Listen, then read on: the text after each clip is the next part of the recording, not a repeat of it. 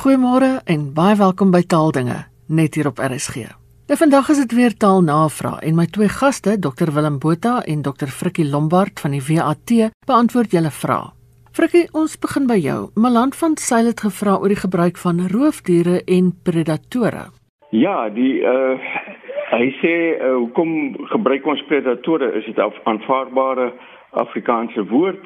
Uh klink vir 'n bietjie na anglisisme. Hoekom gebruik ons nie maar roofvoëls of roofdiere nie? Dit is tog mooi. Nou ja, Malan die woord kom uit Latyns eh, en 'n predator was oorspronklik 'n plunderaar of 'n buiter. Die woord staan wel in Afrikaanse woordeboeke onder andere in die WAT en die antwoordeboek van die Afrikaanse taal. Eh, en ons eerste betekenisonderskeiding verwys ons dit inderdaad na roofdier toe. Uh, en dan kan ek 'n sitaat van aanhaling gee daarby van die belangrikste faktore wat die hoë sterfte syfer onder leeuwelpies veroorsaak is verhongering, verwaarlosing of verlating deur die moeder of predasie deur ander uh, deur vreemde leeu's of ander predatore. Nou daar bestaan dus reeds al ook 'n uh, selfstandige naamwoord predasie wat die verskynsel is dat roofdiere of ander organismes ander diere of organismes doodmaak. Die probleem kom wanneer ons praat van nie soogdiere nie. Dan kan 'n mens nie sommer 'n insek dink ek 'n roofdier noem nie. En Die tweede betekenisonderskeiding van predator is juis so 'n nie soogdier, dit is 'n insek wat op ander diertjies soos insekte jag maak. Spinnekoppe is byvoorbeeld predatore en vreet 'n groot verskeidenheid insekte en myte wat die boer skade kan berokken. En dan in die derde betekenisonderskeiding wat ons daarvan het is dat dit 'n organisme kan wees en daar kan 'n mens ook waarskynlik nie van 'n roofdier praat nie, dit sal net vreemd aandoen. So 'n uh, organisme wat ander organismes of gedeeltes daarvan as voedsel inneem, word ook 'n predator genoem. So sekere soorte protozoa. Willem Jan Jubber van Onderus het gevra oor die samestelling meisieskool wat in 'n vorige program bespreek is. Ja, Jan voel dat dit is nou goed en wel dat uh, meisieskool nou nie 'n ekstra S kan kry as 'n verbindingsklank nie, maar sê as hy nou in 'n reël staan wat afgebreek word voel hy dan moet hy nou dan moet meisie nou 'n S bykry en dan die afkappings afbreekteken en dan skool op die volgende reël want hy sê dan klink dit dan baie soos 'n meisie hond dit klink nou of dit nou die die kenmerke is die geslagskenmerke van uh, van 'n skool soos die van 'n meisie maar uh, Jan on, ons kan nie soms die verbindings eens gebruik en soms nie So meisieskool is een van daardie soort samestellings wat nou nie 'n verbindings-S kry nie. Ek kan net gou-gou weer die drie tipes uiteensit. Daar is sommige samestellings wat nooit 'n uh, verbindingsklank kry nie omdat dit nie nodig is nie. Aanloopbaan, aardappeloes, aptydwekker, atoomoorlog, baksteentekort ensovoorts. Dit sou heeltemal verkeerd wees om te praat van 'n aanloopsbaan want dit is vat nie nodig nie. En dan kry jy sekere samestellings wat altyd 'n uh, verbindingsklank of 'n verbindings S kry, ambagsman, arbeidsgeskil, bedryfsleier, bystandsfonds en so voort. En dan kry jy daardie samestellings waar dit fakultatief is, waar jy self kan kies. In die ou dae het die mense van 'n badkamer gepraat, maar moderne mense praat van 'n badkamer. Jy kan praat van boektaal of boeketaal, landwyd of landswyd, streeknuus of streeksnuus verjaardag of verjaarsdag, werkwinkel of werkswinkel. Dis absoluut jou keuse. Nou vra hy of kloof ek nou die poniestert meisiekind se hare? Ja Jan, jy kloof 'n bietjie hare hier verhoor. En uh, die die leiding wat ek nou hier gegee het, kry ek so in die Afrikaanse woordelys en spelreëls van se 193 tot se 196 word dit pragtig uiteengesit. Ehm um, Frikkie Pieter Lou sê jong mense, dis nou diegene wat met uitkomsgebaseerde onderwys die wye wêreld ingestuur word, vertaal alles direk uit Engels. Die nuwe neiging is om gesin as familie te vertaal, byvoorbeeld 'n gesinsberader is deesdae familieberader. Nou vra hy of taal werklik so plasties is dat dit op hierdie wyse vernuwe en ontwikkel. Ja, Pieter taal is inderdaad dink ek meer plasties as wat die meeste mense waarskynlik besef uh, en nie alles wat soos Engels lyk of uit Engels afkomstig is is noodwendig 'n uh, anglisisme nie of verkeerd nie. En ek haal vir Tom McLaughlin graag aan waar hy praat oor anglisismes. Uh daar is minstens drie belangrike redes. Afrikaans en Engels is albei Germaanse tale, noodwendig dis sekere dinge soos woordeskat elemente gemeen. Afrikaans en Engels het ook baie geleen by die Romaanse tale wat natuurlik ook sekere ooreenkomste meebring. En Afrikaans en Engels bestaan al minstens uh, twee of meer eeue naas mekaar en dit het ook onvermydelik tot gevolg dat hulle mekaar beïnvloed. Maar daarbey moet die mens nou dadelik sê en hier moet die mens vir Pieter gelyk gee. Elkeen het sy eie stem, sy eie manier van dinge sê, sy eie unieke aard. En 'n mens kan nie sommer net alles uit Engels vertaal uh, en dan dink dit is goeie Afrikaans, dit is bietjie dik vir 'n daalder. En in hierdie geval dink ek gebruik 'n mens gesin, dit is ons unieke benoemer waar die Engelse meer praat van 'n family of soms dan 'n household. Uh, 'n Mens kom baie keer op maaksels af wat jy wil laat gril en dit gaan ook dikwels om meer as net woorde. Dit kom dikwels voor dat hele sinne of sinsnedes op 'n Engelse onderbou gebaseer is. Willem Johan Brink wil graag weet of die Howick Falls, die Kango Caves en die Union Buildings in Afrikaans ook in die meervoud voorkom, byvoorbeeld in die geboue. Ja, uh, Johan in die meeste gevalle waar Engels 'n meervoud gebruik, gebruik ons enkelvoud. Behalwe as daar werklik sprake is van 'n meervoud in die verskynsel wat benoem word. Met ander woorde, as daar meer as een grot is, dan praat ons van die Kango grotte want daar is werklik meer as een grot. Daar's tot 'n skoorsteen waar jy kan kruip as jy wil. Maar as ons kom by die Union Buildings, dan is dit net die Unie gebou, want dit is een gebou. Die Hawick waterval is een waterval. Maar as ons nou gaan na iets soos die Bahama Islands, is dit die Bahama eilande, want daar is meer as een eiland of die Maagde eilande, want daar's meer as een eiland. So dit hang af wat jy benoem. In Afrikaans is ons baie presies. As dit 'n enkelvoud verskynsel is, dan bly ons by die enkelvoud, byvoorbeeld in die gebou of Helwig waterval. Hmm. Andersins, as daar meer as een grot is, dan is dit die Kango grot. Dit is eintlik baie logies. Rocco en Jean Hoog het drie vrae. Frikkie, wil jy hulle nie sommer so van 'n kant af gaan nie? Dit gaan oor gaan en sal en ja. so aan. Ek sal dit doen. Hulle sê is daar 'n verskil in betekenis van gaan en sal in sinne soos ek gaan of sal vir jou groot gesent gee of kan dit as sinonieme gebruik word? Nou die vraag uh, is dus of gaan wanneer dit 'n hulpwerkwoord is, want dit kan ook 'n selfstandige werkwoord wees of dit soos die hulpwerkwoord sal gebruik kan word. Nou gaan kan beteken ter aanduiding van 'n verwagte of 'n voorgenome of 'n toekomstige gebeurtenis en dit is maar net een van 'n hele boel betekenisonskeidings wat hy het. Terwyl sal as betekenis het uh, as 'n voorneme of as iets wat geantisipeer word bestaan of as iets bestaan wat in die toekoms gaan kan of moet gebeur of gedoen toegelaat of veroorsaak kan word. Nou daar kan die twee mekaar dink ek redelik vervang. Hoe lank sal julle in Pretoria wees? Uh ons kan ook sê hoe lank gaan julle in Pretoria wees? Henny sê hy sal binnekort vertrek en hy sê hy gaan binnekort vertrek. Uh, dan kry jy ook 'n betekenis van sal wat uh, bereid of gewillig wees om die genoemde of gespesifiseerde te doen. Hulle sal nie vir ons meer geld voorskiet nie byvoorbeeld. En daar sou jy waarskynlik ook kon sê hulle gaan nie meer geld vir ons voorskiet nie. Ehm um, met ander woorde in hierdie gevalle dink ek kan gaan as 'n hulpwerkwoord net so sal gebruik word. En dan die tweede wat hulle vra is daar is selfstandige naamwoorde uh wat nie hoef te verander in die meervoudsvorm nie. Partye van hulle word alternatiefelik gebruik. Een van hulle uh, wat vir ons van belang is, is sonde en sondes.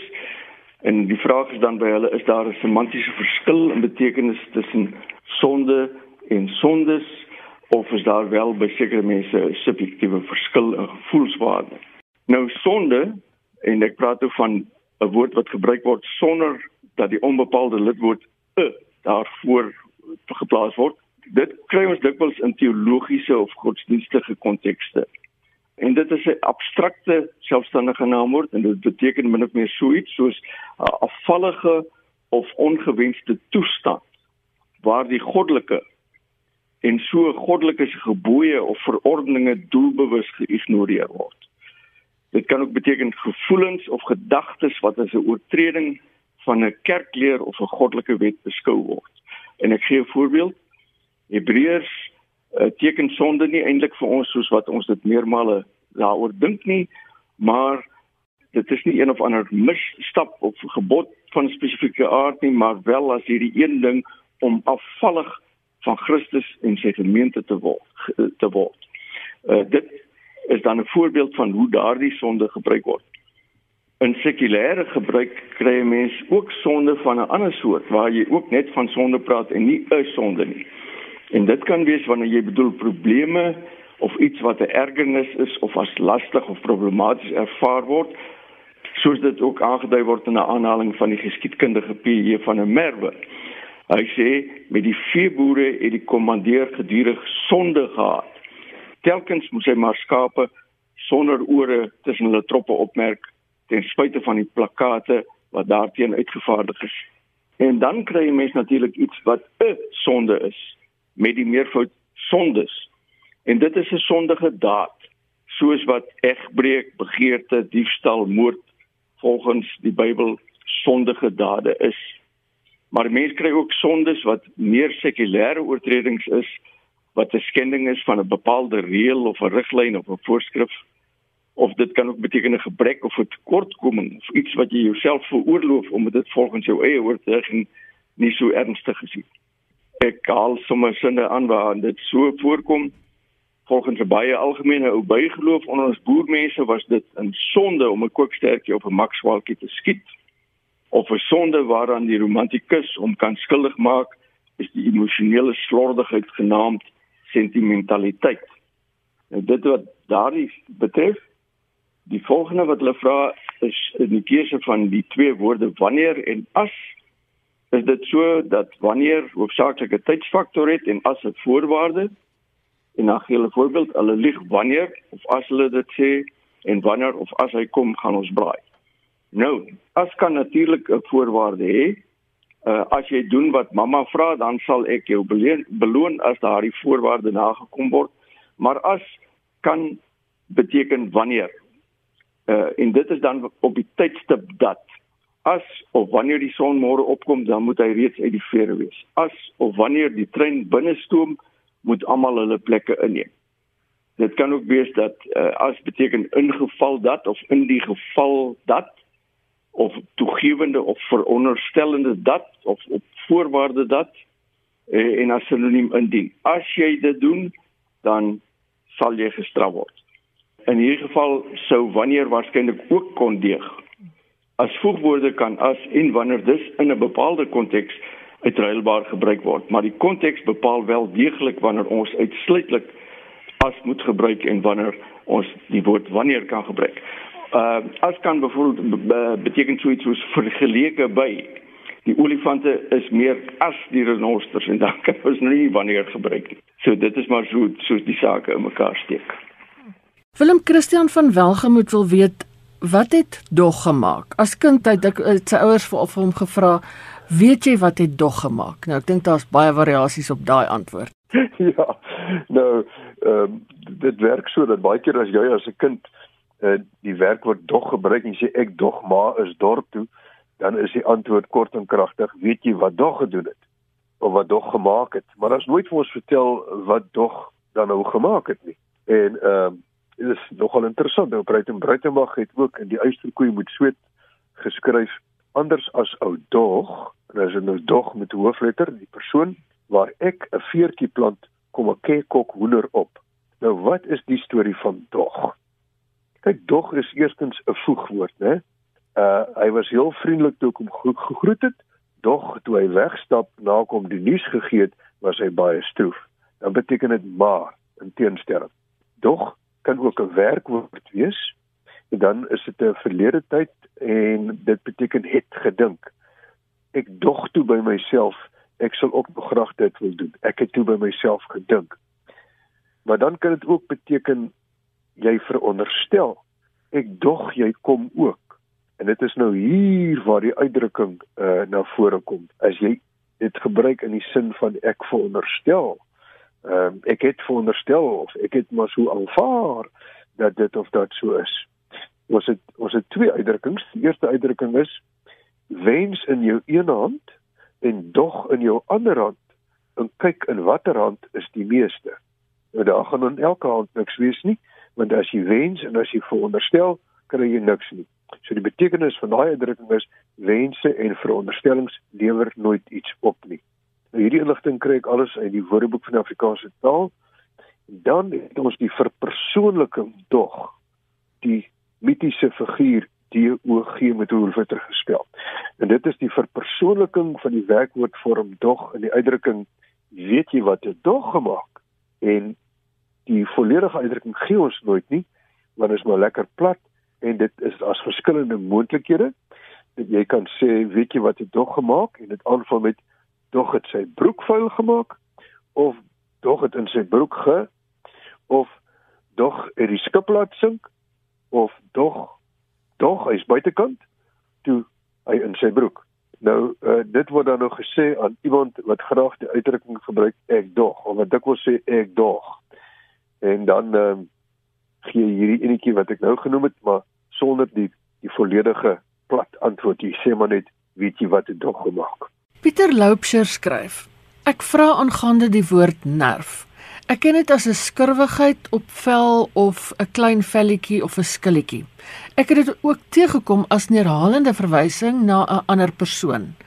Frikkie, kan jy dit vir hom verduidelik asseblief? Ja, uh hy Pieter is heeltemal reg. Die eerste betekenisonderskeiding wat ons in ons woordeboek het van nerf is inderdaad min of meer boonste laag van die menslike vel.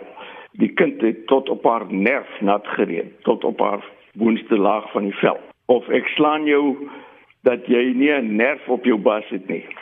Ek uh, uh gewelddadige aanhaling. Dit kan ook wees 'n stukkie of 'n skibbetjie van die boonste laag van jou vel. Die son het daar sig gesig so ver gebrand dat dit pure nerve was.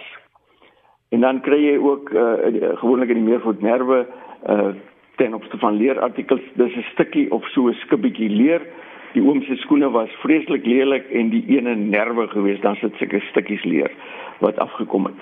Dit kan ook 'n nerflaag wees in in plantkunde cuticula. Maar uh, ja, ek moet sê nog 'n betekenisonderskeiding is bietjie of min soos die rok is net 'n nerf te kort of hy gee nie 'n nerf om nie, met ander woorde hy gee baie min om of glad nie. En dan kry ons natuurlik 'n woord wat uh, die uiters neerhalende gebruik van nerf uh rassisties en soms ook deur 'n kleur vooraan te voeg soos 'n swart nerf. Dan beteken nerf bruin of swart persoon, maar in hierdie dag en tyd wat ons leef, uh durf ons so iets uh, nie gebruik of perpetueer nie.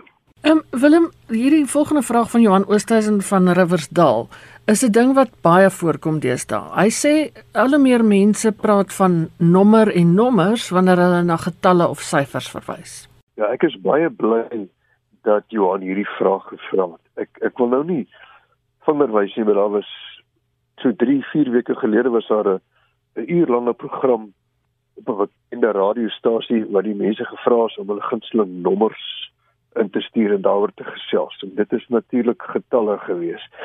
En niemand het iets opgelet of opgemerk nie. Maar kom ons kyk nou net. Afrikaans is eintlik 'n baie ryk taal.